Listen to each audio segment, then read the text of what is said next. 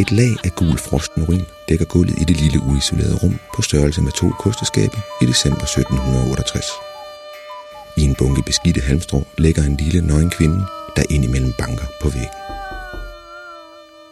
Islaget af afføring dækker næsten det hul, hvor efterladenskaberne egentlig skulle løbe ud. Der er ingen toiletspand i det lille rum. Man vil ikke risikere, at kvinden kaster med eller smører sig ind i sin egen afføring. Indespæringen er ikke en straf, men er sket for ens egen og for omverdenens skyld. Kvinden er erklæret vanvittig, og den eneste behandling, man har til rådighed, er altså at spærre hende ind i den såkaldte dårkiste. Et lille bitte rum, hvor de gale bliver stuet af vejen i kortere eller ofte længere perioder. Der er så kort afstand mellem væggene, at hun er krumbøjet efter at have ligget der i 18 år. Kvinden dør den dag i december. Ved hendes begravelse få dage senere er kisten 4 cm lang. Bedemanden kan ikke rette hende ud.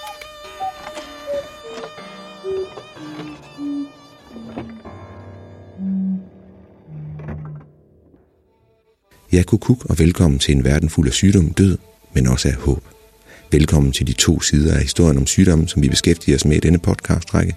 Sygdommens kamp mod det levende, og de levendes kamp mod sygdommene, det vi kalder behandling. Gennem historien var kampen mod sygdom ofte nytteløs, til tider skadelig. Men i øjeblikket med klarsyn og videnskabelig redelighed opstod alligevel udveje. Med til historien om epidemier hører nemlig, at mange af dem sluttede, fordi mennesket kæmpede imod. Dette er en række fortællinger om, hvordan sygdommen får modstand. Hvordan mennesket forsøger sig med mere eller mindre hjælpsomme modtræk. For selvom lidelserne medfører død og tragedie, følger der fremskridt med. Svære sygdomme giver fremdrift i behandlingerne, og nutidens lægevidenskab bygger på den modstandskamp, mennesket historisk set har ført mod bakterier og virer, uden at vide, hvad det var. Det her er ikke kun en række fortællinger om, hvad sygdommene gjorde ved menneskene, men også om, hvad menneskene gjorde ved sygdommene. Mit navn er Mikkel Andreas Bæk, og det her er femte udgave af Død og Diagnose. En podcast-række støttet af Lundbækfonden om sygdomme og behandlinger gennem Danmarks historie.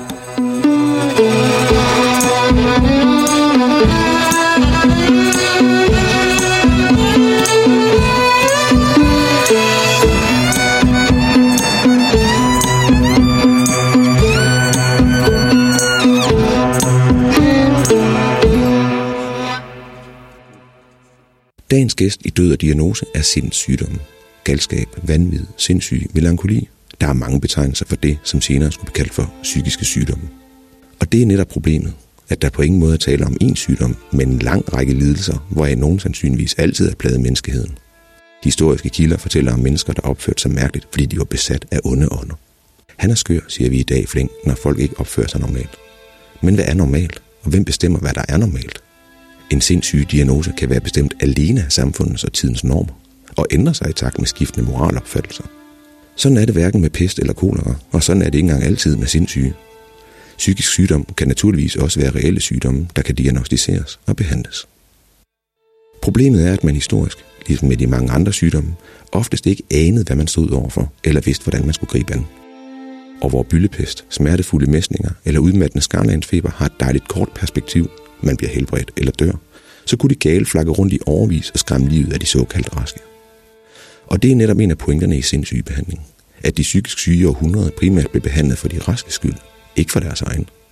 Behandlingen bestod først og fremmest i at spærre dem ind under kummerlige vilkår i rum så små, at man end ikke ville byde straffefanger dem, med is på gulvet og lort på væggene, med lavt til loftet og lange udsigter til løsladelse, og ved at udsætte dem for behandlingsmetoder, der i dag vil gå under betegnelsen tortur. Imbecilitet, dårskab, erotisk forrygthed, sløvsind, intellektuel defekt. Hvad siger det store sygdomsleksikon egentlig om psykisk sygdom? Hmm, den her er ikke enkel. Problemet med psykisk sygdom er som nævnt, at mange vidt forskellige lidelser er kommet i den samme kasse. Og selvom en svær depression og dyb skizofreni er to vidt forskellige ting, så tog ingen rigtig hensyn til forskellen psykoser, angst, ADHD, bipolar lidelse, vinterdepression og det at være retarderet er blevet lagt i den samme æske med etiketten sindets sygdomme på. Og så lagde man jo et ting som homoseksualitet oveni senere. Historisk set troede folk på alt fra dæmoner til seksuelle vaner som årsag til sindssygdom. Onani blev eksempelvis set som værende meget farligt. Behandlingen af sindssyge bestod i alt fra gentagende bønder til Gud, og altså til ren og skær fysisk og psykisk tortur, som mildest talt ikke har gjort det nemmere for de gale. Den tyske læge Johann Christian Reil opremsede i 1803 nogle af de metoder, som sjældent syge kunne udsættes for. nysemidler, brækmidler, glødende jern, smeltet bly, piskning med brændnæller og overraskelsesbadet, hvor patienten uvendet gennem en lem i gulvet styrtes i vandet. Andre kilder fortæller om nærdødsoplevelser som forsøg på kur. Man prøvede at bilde patienterne ind, at de var ved at drukne ved at holde deres hoved under vand. Udbrænding med glødejern af kvinders klitoris for at undgå overdreven onani, og nedbrydning af patientens vilje straks ved ankomst til anstalten. Den sindslidende skulle nemlig helst føle sig så hjælpeløs som overhovedet muligt for at kunne tage behandlingen og genopbygningen til sig. Det siger meget om behandlingen af psykisk sygdom, at mange patienter opfattede spændesrøgen, hvor armene spændes fast på kroppen. For mange er selve det klaustrofobiske billede på tvang som en fritsættende behandlingsform. For den betød, at patienten i det mindste kunne lukkes ud og gå lidt omkring, i stedet for at sidde spærret inde i sin dårkiste. Selvom den deciderede tortur heldigvis er fortid, så er tvang af patienter stadig en del af behandling af psykisk syge. Men det er ikke den eneste parallel mellem fortidens og nutidens syn på psykiske lidelser.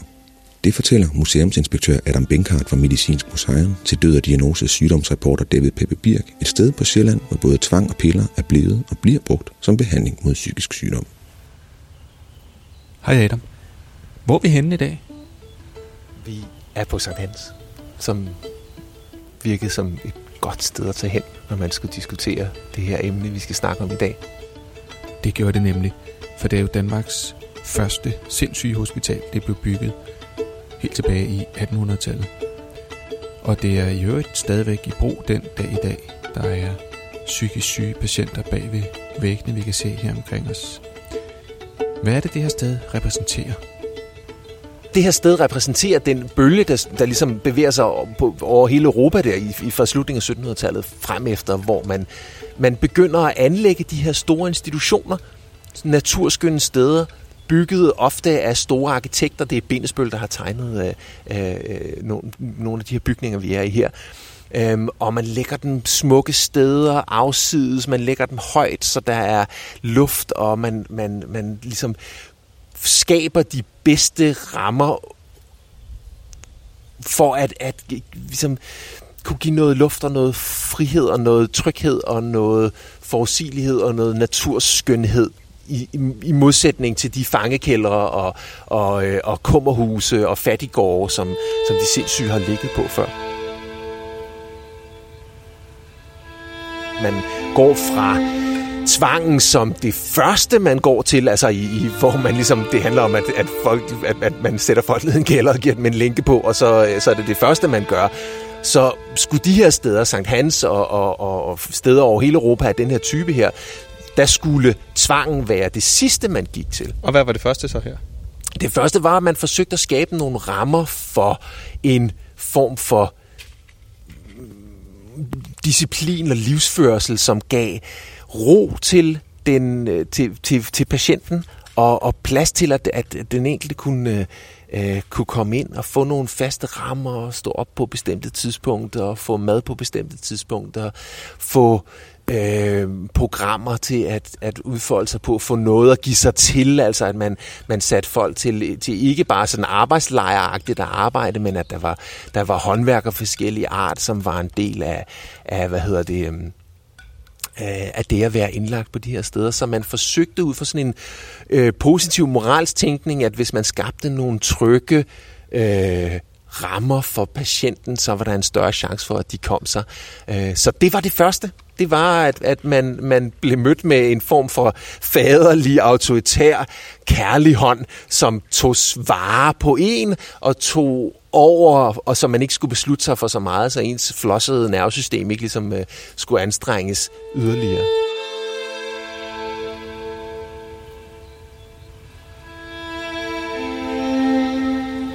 Sindssygen, altså der hvor den sindstilstanden bliver problematisk inden for rammerne af det givende samfund, man er i, er dybt sammenfiltret og trækker uadskillelige tråde mellem det biologiske og det kulturelle, mellem den måde, vores krop fungerer på, den måde, vores hjerne udvikler sig på, det vi spiser, den måde, vi lever på, den måde, vi arbejder på, det samfund, vi er i, de normer, vi er underlagt under. Og derfor så er det en historie, som både er dybt fascinerende og fuldstændig umulig at fortælle.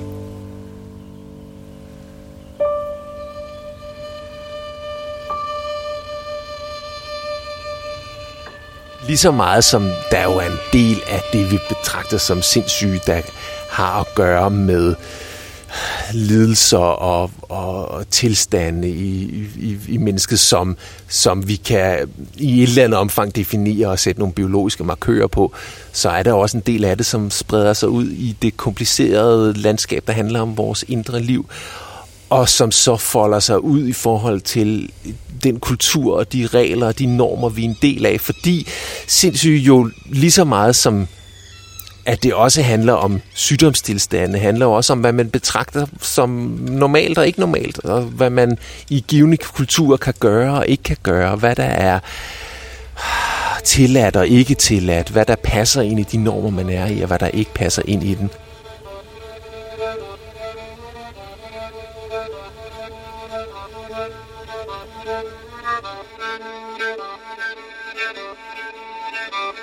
Før 1800, sådan roughly speaking, så var, øh, så, så var den europæiske psykiatri jo præget af institutioner, hvor man spærrede inde og oftest jo lænkede de sindssyge, uden at kunne tilbyde dem nogen former for behandling dybt set. Ikke?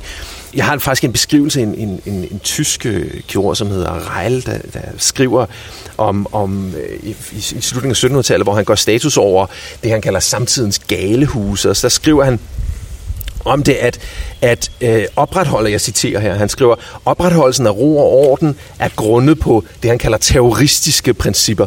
Pisk, kæder, tvangsmidler er på dagsordenen. Vogterne er for det meste følelseskolde, pligtforglemmende øh, eller barbariske mennesker, som sjældent kan afholde sig fra at bruge pryl, når de skal styre de gale.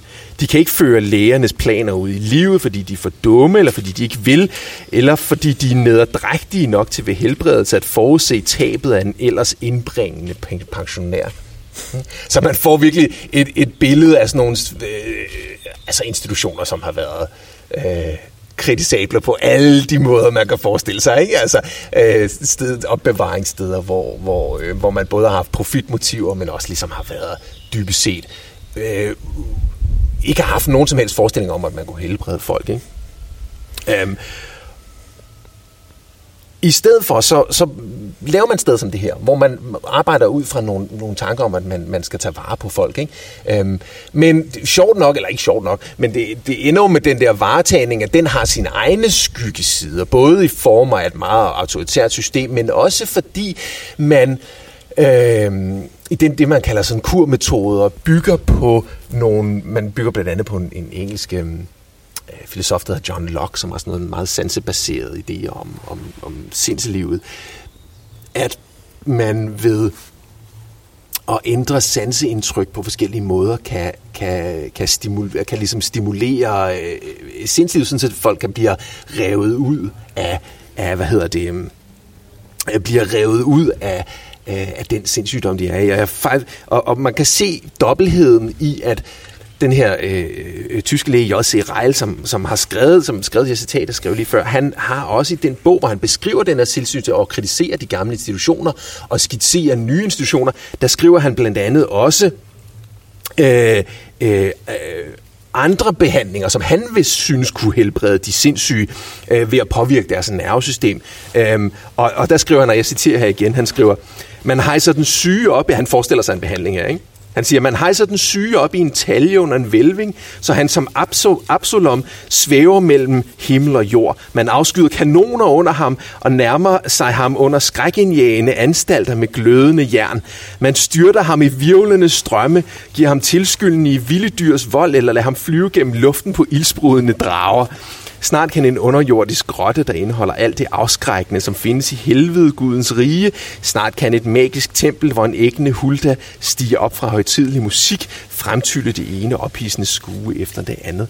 Altså en eller anden forestilling om, at man ved en voldsom øh, iscenesættelse eller voldsom påvirkning af, af, af, af, af patienten kan, kan ryste dem ud af den sindssygdom. Og der har man beskrivelser af altså sådan nogle øh, anstaltninger, hvor man kunne dunke øh, folk ned i, øh, i kolde bade, hvor man stillede dem op, og så uden at vide det, så blev de droppet, pludselig forsvandt gulvet under og så blev de kastet ned i, i kolde bade, og man havde sådan nogle øh, øh, apparater, hvor man slyngede folk rundt, ligesom sådan nogle jægerpilottestningssystemer, hvor man, hvor man virvlede folk rundt, og, og, og alt muligt andet, hvor så tænker man, altså, at blive øh, og, udsat for, for, for, for overraskelsestvangsbade eller blive øh, lænket til væggen. Ikke? Det er måske ikke så stor forskel.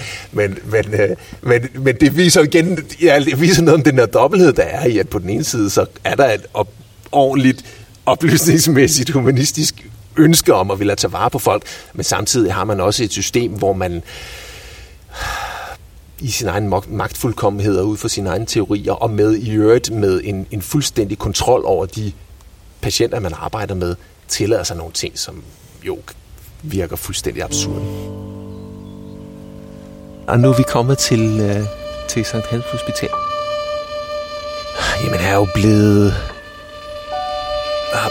behandlet og opbevaret lang række mennesker, der på alle mulige forskellige måder øh, ikke passede ind i det samfund, de var en del af. Ikke? Øhm, der har, der, altså der sidder her var størst i, i, øh, i, i 40'erne og 50'erne, der har der været op mod 3.000 patienter, som har boet her, så det har været en, en kæmpe institution med, vi har lige været nede i køkkenet og kigget dernede, der er et kæmpe stort øh, 1800-tals øh, industrikøkken nede i, nede i kælderen, der har været øh, landbrug, der hører til, det har været sin helt egen lille, øh, øh, sin helt egen lille verden, man har været i. Altså, der har jo foregået rigtig, rigtig mange forskellige øh, øh, typer af behandlinger, fordi stedets historie er så langt, så på den måde har det jo spejlet den psykiatriens lange historie, ikke? hvordan man har forstået og forsøgt at forholde sig til, øh, øh, til sindssygdommene. Man kan sige, en af de ting, som det her sted repræsenterer behandlingsmæssigt, altså grundlægges nu helt tilbage i starten omkring 1808 og 1816, øh, repræsenterer en det, det, man kalder moralterapien og, og, og asylbevægelsen, som er en bevægelse, der starter i slutningen af 1700-tallet sammen med oplysningstiden, hvor man tænker tidligere tiders øh, måder at forstå og behandle sindssygdom på, som, hvor, hvor man jo øh, dybest set det var betragtet som sådan øh, ja, en blanding af fattigård og pestgård og, og en slags opbevaring, hvor man hvor, hvor det var tvangen og, og, og opbevaring og linken, der var den primære sådan behandlingsform. Det var mere opbevaring, end det var noget andet. Øhm, vil man med sådan ud fra sådan nogle oplysningsidealer gerne gøre op med. Øh, man vil gerne komme væk fra fra, hvad hedder det, fra det, man betragtede som tidligere tiders overtro og, og barbari. Altså lige så meget som man har forsøgt at skabe sig bedre vilkår, så har tvangen jo stadig været en integreret del af den psykiatriske behandling, fordi det ligger jo på en måde i tilstanden, altså at, at, at her har der man, det har både fungeret som en slags øh, beskyttelse af den øh, enkelte mod samfundet, men jo også en beskyttelse af samfundet mod den enkelte.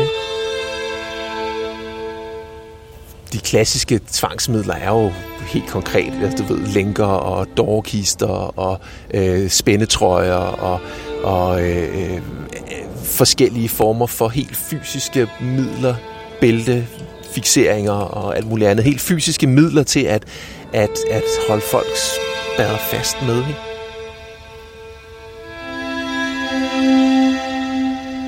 I et autoritært system som det er, for det var jo bygget op ud fra sådan, altså en, en, øh, en model om, at øh, et, et stærkt hierarkisk øh, autoritært system, hvor man havde en leder, en, en, en, en, en, en hospital, en overlæge, som, som ligesom var, var omdrejningspunktet for alt, hvad der foregik i, i institutionen, og hans, hans vilje var ligesom manifesteret ud gennem øh, øh, plejerne og hele resten af systemet. Øh, det er jo et system, som, som var måske skabte nogle trygge rammer for nogle patienter, men samtidig jo også var bygget op om en form for disciplin, som havde det klassisk disciplinære autoritære udgangspunkt, at hvis ikke du kunne passe dig til reglerne, så, så må du blive knækket, indtil du kunne blive passet til reglerne. Ikke? Altså fordi reglerne var det absolut gode, og indpassede du dig efter dem, så levede du efter under den her tanke et godt liv. Ikke? bag væggene er der sikkert foregået både en, en kærlig, faderlig hånd, der har taget vare på nogle mennesker, men jo også en knytnæve, som har knækket og, og, og, og straffet nogle mennesker. Så, øh, så, og, og det er jo, altså, det er jo en kompliceret del af, af psykiatriens historie, ikke? Den virvler sig frem og tilbage, ligesom på en måde som en afspejling af lægevidenskaben generelt jo, som er blanding af den gode vilje, den kærlige hånd, ønsket om at tage vare på, kombineret med det autoritære, det bestemmende, det absolute, det, det magtfuldkommende øh, og det enøjet, altså ønsket om at, at få en bestemt slags patient, der indgår i et bestemt slags system. Og passer du ikke til det system, så har det system hvide midler til at få dig til at passe til det. Ikke?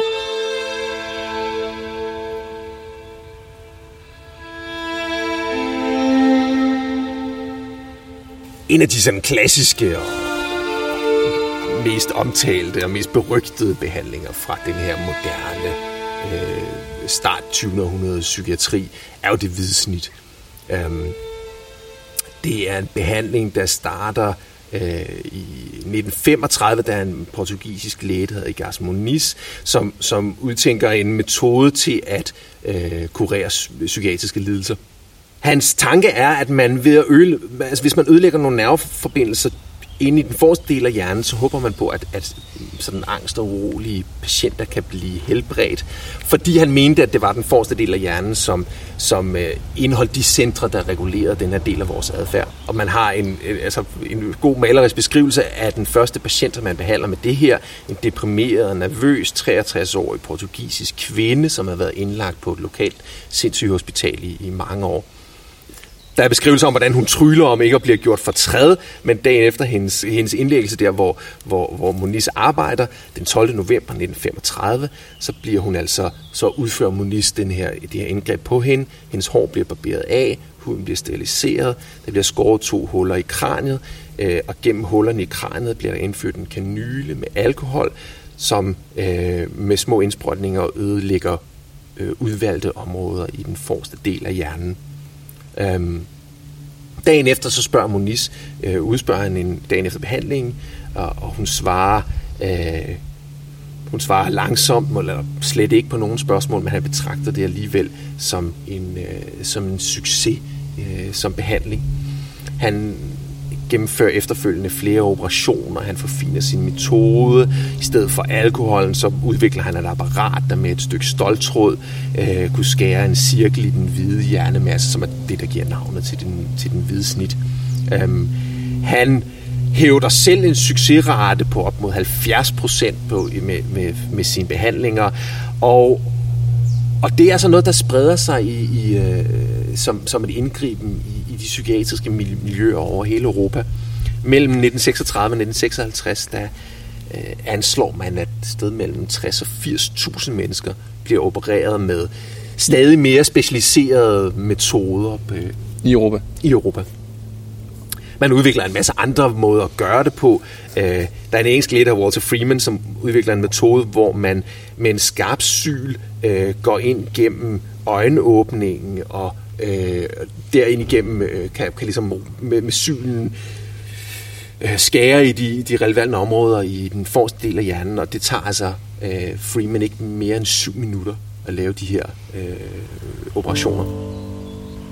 Danmark har en, en, uf, øh, hvad hedder det, øh, en uf, øh, uformel verdensrekord i, i hvidesnit i forhold til vores, øh, i forhold til vores befolkningstal. Man, man, øhm, øh, øh, man ved, at i perioden fra 1939 op til 1983, der bliver der foretaget i hvert fald omkring 4500 øh, hvide snit i, øh, i Danmark. Man vidste at der var en masse, meget tidligere, at der var en masse negative konsekvenser. Moniz selv identificerer, altså patienterne har kvalme, de har vadladningsproblemer, de er apatiske, de kan få store personlighedsændringer. Og efterhånden, som der ligesom bliver foretaget flere og flere af de vidensnit, så, så, så, så bliver billede af en operation, som ikke er helt så simpel, og ikke er helt så, så, så, så fejlfri, som man, man, øh, som man lægger op til. Det bliver tydeligere og tydeligere. Altså, det er et farligt indgreb, der har store konsekvenser for den syge. Der er, er, er en del patienter, der dør af indgrebet.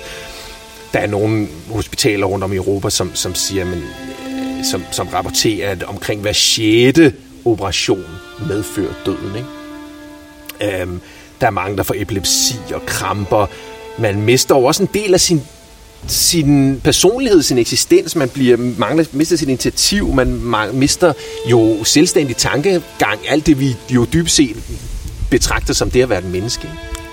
Og hvorfor fortsætter man så?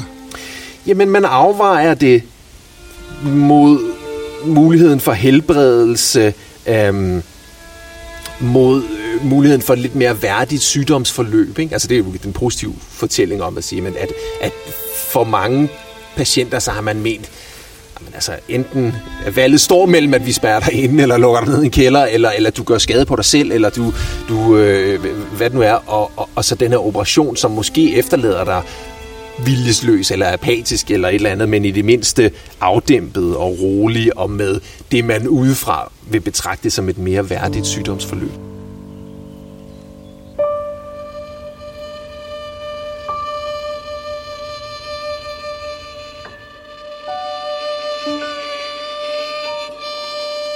Psykiatriens lange historie er jo præget af, at man ikke har haft ret meget at gøre med. Og derfor kan man jo se operationer som det hvide snit som en form for øh, sidste udvej. Ikke? Altså at, at med, med patienter, man ikke havde noget at gøre for, som, som man kunne betragte som levende et uværdigt liv, øh, i, øh, som, hvor, hvor alternativet var at linke dem til væggen dybt set, eller i hvert fald spærre dem inde, at, at det så på den måde har set fornuftigt ud at, at, øhm, øh, at, at foretage den her operation, og så får man en, en mere føjelig, passiv, docil patient ud af det. Ikke? Øhm, men det er klart, man skal ikke, altså en, en anden tese at sige, at det her har udelukkende at gøre med social kontrol. Altså det er en måde at få en velfungerende institution. Altså det er en måde, hvorpå du skaber, øh, at, at, at, at du, du i stedet for at tilpasse systemet til patienten, så tilpasser du patienten til systemet. Ikke? Altså det er jo en måde at tage nogle, en, en patientgruppe, som, som er besværlige øh, og, og, og hvad hedder det, øh, besværlige for plejerne, besværlige for familien, besværlige for, for, øh, for, øh, for alle omkring den, og gøre dem helt føjelige og og, og lette at, at, og håndtere. Så det derfor gør det, at man så specifikt gør det ekstra meget i Danmark, er jo et, sig selv et enormt godt spørgsmål, faktisk. Altså, det er jo, der er jo en del af den danske historie i forhold til vores behandling af, af, af, af sindssyge og handicappede og sådan noget, som, som er ret grusom. Altså Danmark har jo også en enormt veludviklet eugenisk, øh, altså tvangssteriliseringsbevægelse. Vi, vi er øh, europaførende i, i, i, i op igennem det 20. århundrede.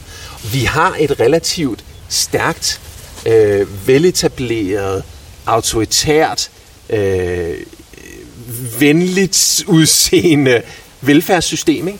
Altså, vi, vi, øh, vi har et, et godt og fungerende system, som gør, at vi i vidt omfang øh, øh, er klar til at følge reglerne. Du ved, der, der har været styr på, hvor man skulle købe sine togbilletter. Der har været styr på, øh, hvor man skulle betale sin skat. Der har været styr på, øh, øh, der har været instanser, der tog vare på folk. Der har været øh, øh, omsorg i samfundet. Ikke? Så derfor har systemet fungeret godt. Og i et system, der fungerer godt, så tror jeg, at der vil være en større tendens til, at det giver mening at få folk til at passe til systemet. At du får den til at, at, at, at føre sig til, så, så du ved, øh, du skal betale din skat, og, øh, og, og, og du skal have klippet din togbillet, og du skal have foretaget det hvide snit. Ikke? Autoriteten ligger stærkt, fordi der jo er en stor grad af også omsorg og varetagning af den enkelte. Og det er systemets tvækkede svær på en måde. Ikke? På den ene side ligger jo omsorgen, viljen til at tage vare på, viljen til at passe på, viljen til at indrette et system, som gør det bedst muligt for flest muligt. Men på den anden side ligger jo så øh, den større, fordi man går længere for at passe på folk, bliver det også muligt på potentielt set i hvert fald at gå længere i arbejde for, for, for at få folk til at passe til systemet, og viljen til at ville varetage og passe på systemet, fordi systemet sig selv fremstår som noget godt, som man gerne vil, øh, øh, jamen, jamen, som fungerer godt, og som man gerne vil passe på. Så derfor virker det måske mindre som et overgreb at tilpasse dem, der ikke passer ind til det system, de skal være i.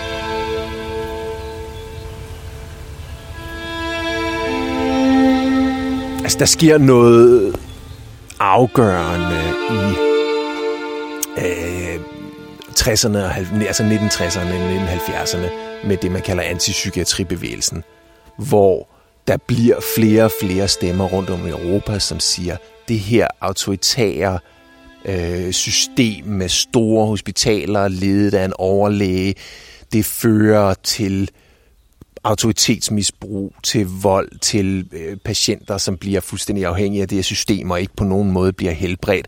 Og derfor så starter der en bevægelse, som handler om, at, at man skal nedlægge de her store institutioner, man skal behandle folk i distrikterne. Distriktspsykiatrien er jo et opkomst af det her, og det bæres på ryggen af, at man i fra, fra 1950'erne og 60'erne frem efter finder flere og flere psykofarmaka, altså flere og flere midler, som kan Øhm, øh, altså medicin, som kan dæmpe de symptomer, som, som øh, uanset om det er angst eller øh, psykoser, eller om det er øh, øh nogle effekter af skizofreni for eksempel, som, som man, man finder på, på, øh, på, på midler, som, som kan dæmpe. Ikke? Og det gør forskellen i forhold til, øh, til de her store institutioner som den her. I dag så er, bliver det spredt ud, og det er en blanding af, af, af, af, af samtale og, og, og psykoterapi og medicinsk behandling, og som gør, at mange flere kan leve uden for et sådan institutionsliv som det her.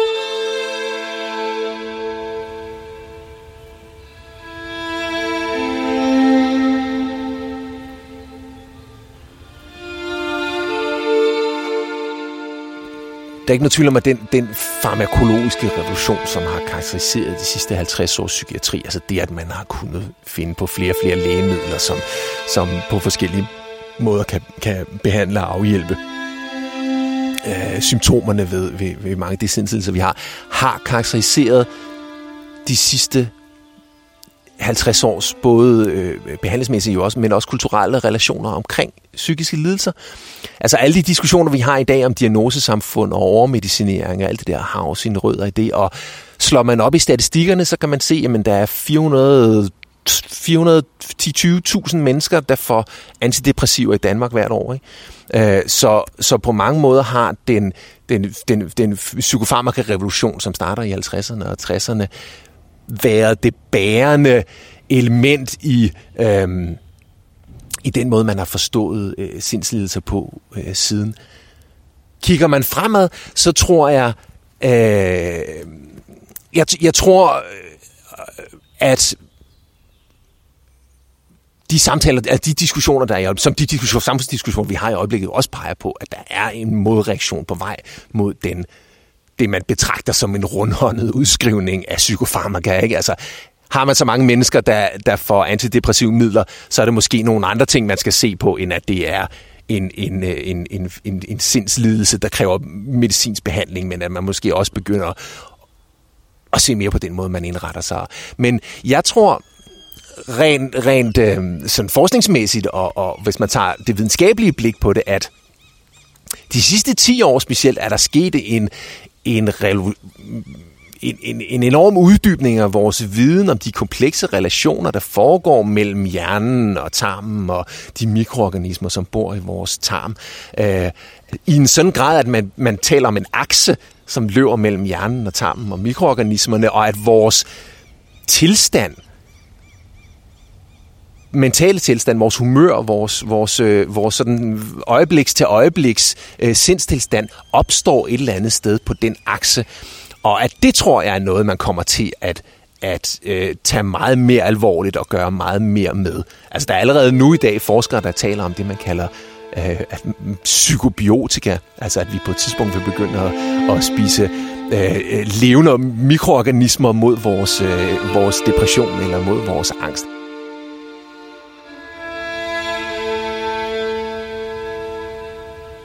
På Sankt Hans var også den norsk-danske forfatter Amalie Skram indlagt i slutningen af 1800-tallet. Hun skrev to romaner om sit møde med behandlingssystemet, Professor Jeronimus og På Sankt Jørgen, der skabte stor debat i samtiden. Forfatteren, der lod sig frivilligt indlægge efter et nervesambrud, beskrev livet som patient på 6. afdeling på Kommunehospitalet i København som en blanding af genopdragelsesinstitution og fængsel. Hun lagde ikke skjul på, at det var hendes egne oplevelser med læge og professor Knud Pontoppidan på Kommunehospitalet, som Adam nævnte lige før, der lå til grund for bøgernes beskrivelser af professorens overgreb, tvang og andre dæmoniske metoder. De trænger i høj nok grad til at lære dem selvbeherskelse. Deres sygdom er den, at de ikke kan beherske dem. Jeg havde tænkt på at forflytte dem, men nu skal de forblive her, siger en rasende professor, da hovedpersonen protesterer over sin behandling. Han lægger ikke skjul på, at han har magten til at lade en indspærre i overvis. Professor Hieronymus tror på, at et eller flere års tvangsindlæggelse på bogens fiktive St. Jørgen Hospital muligvis kan kurere hende. Men på virkeligheden Sankt Hans blev Amalie Skram i midlertid mødt af en menneskelig og forstående overlæge, der kunne udskrive hende efter et par måneder. Tvang er som tidligere nævnt stadig et værktøj i behandling af psykisk syge i Danmark. Europarådets komité til forebyggelse af tortur har tre gange i 2002, 2008 og 2014 kritiseret Danmark for langvarige tvangsfixeringer i psykiatrien. Og selvom antallet af bæltefixeringer er faldet, er der sket en stigning i tvangsmedicinering og fastholdelse, skrev Dagbladet BT tidligere i år med baggrund i en rapport fra Sundhedsstyrelsen. Ligesom tvang har eksisteret som behandling i århundreder, er der også stadig masser af moralske forskellige holdninger til, hvem der er psykisk syge og hvordan man kurerer dem. I Dagbladet Jyske Vestkysten skrev en Martin Nissen fra Haderslev i juni 2018 i et læserbrev, at homoseksualitet var unaturligt, og at der var gode grunde til, at homoseksuelle tit føler sig dårligt tilpas. Homoseksualitet er imod Guds skaberorden, og hvis mennesker lever på en anden måde, end Gud har bestemt og designet os til, så er det da klart, at mennesker får det dårligt. Sådan er det også for de homoseksuelle, mente altså Martin Nissen, der tror på, at homoseksualitet kan kureres ved bøn. Hvem der er den skøre her, den religiøse eller den homoseksuelle, overlader vi til lytterne at vurdere. Du har lyttet til Død og Diagnose, som er støttet af Lundbækfonden og lavet af Mikkel Andreas Bæk og David Pape Birk i samarbejde med Medicinsk Museum i København. Musikken er skrevet og fremført af Frederik Tybo og Kasper Bak Hestrup. Lyt med næste gang, når vi ser nærmere på den spanske syge, en sygdom, der har flere offer på samvittigheden end de to verdenskrige til sammen.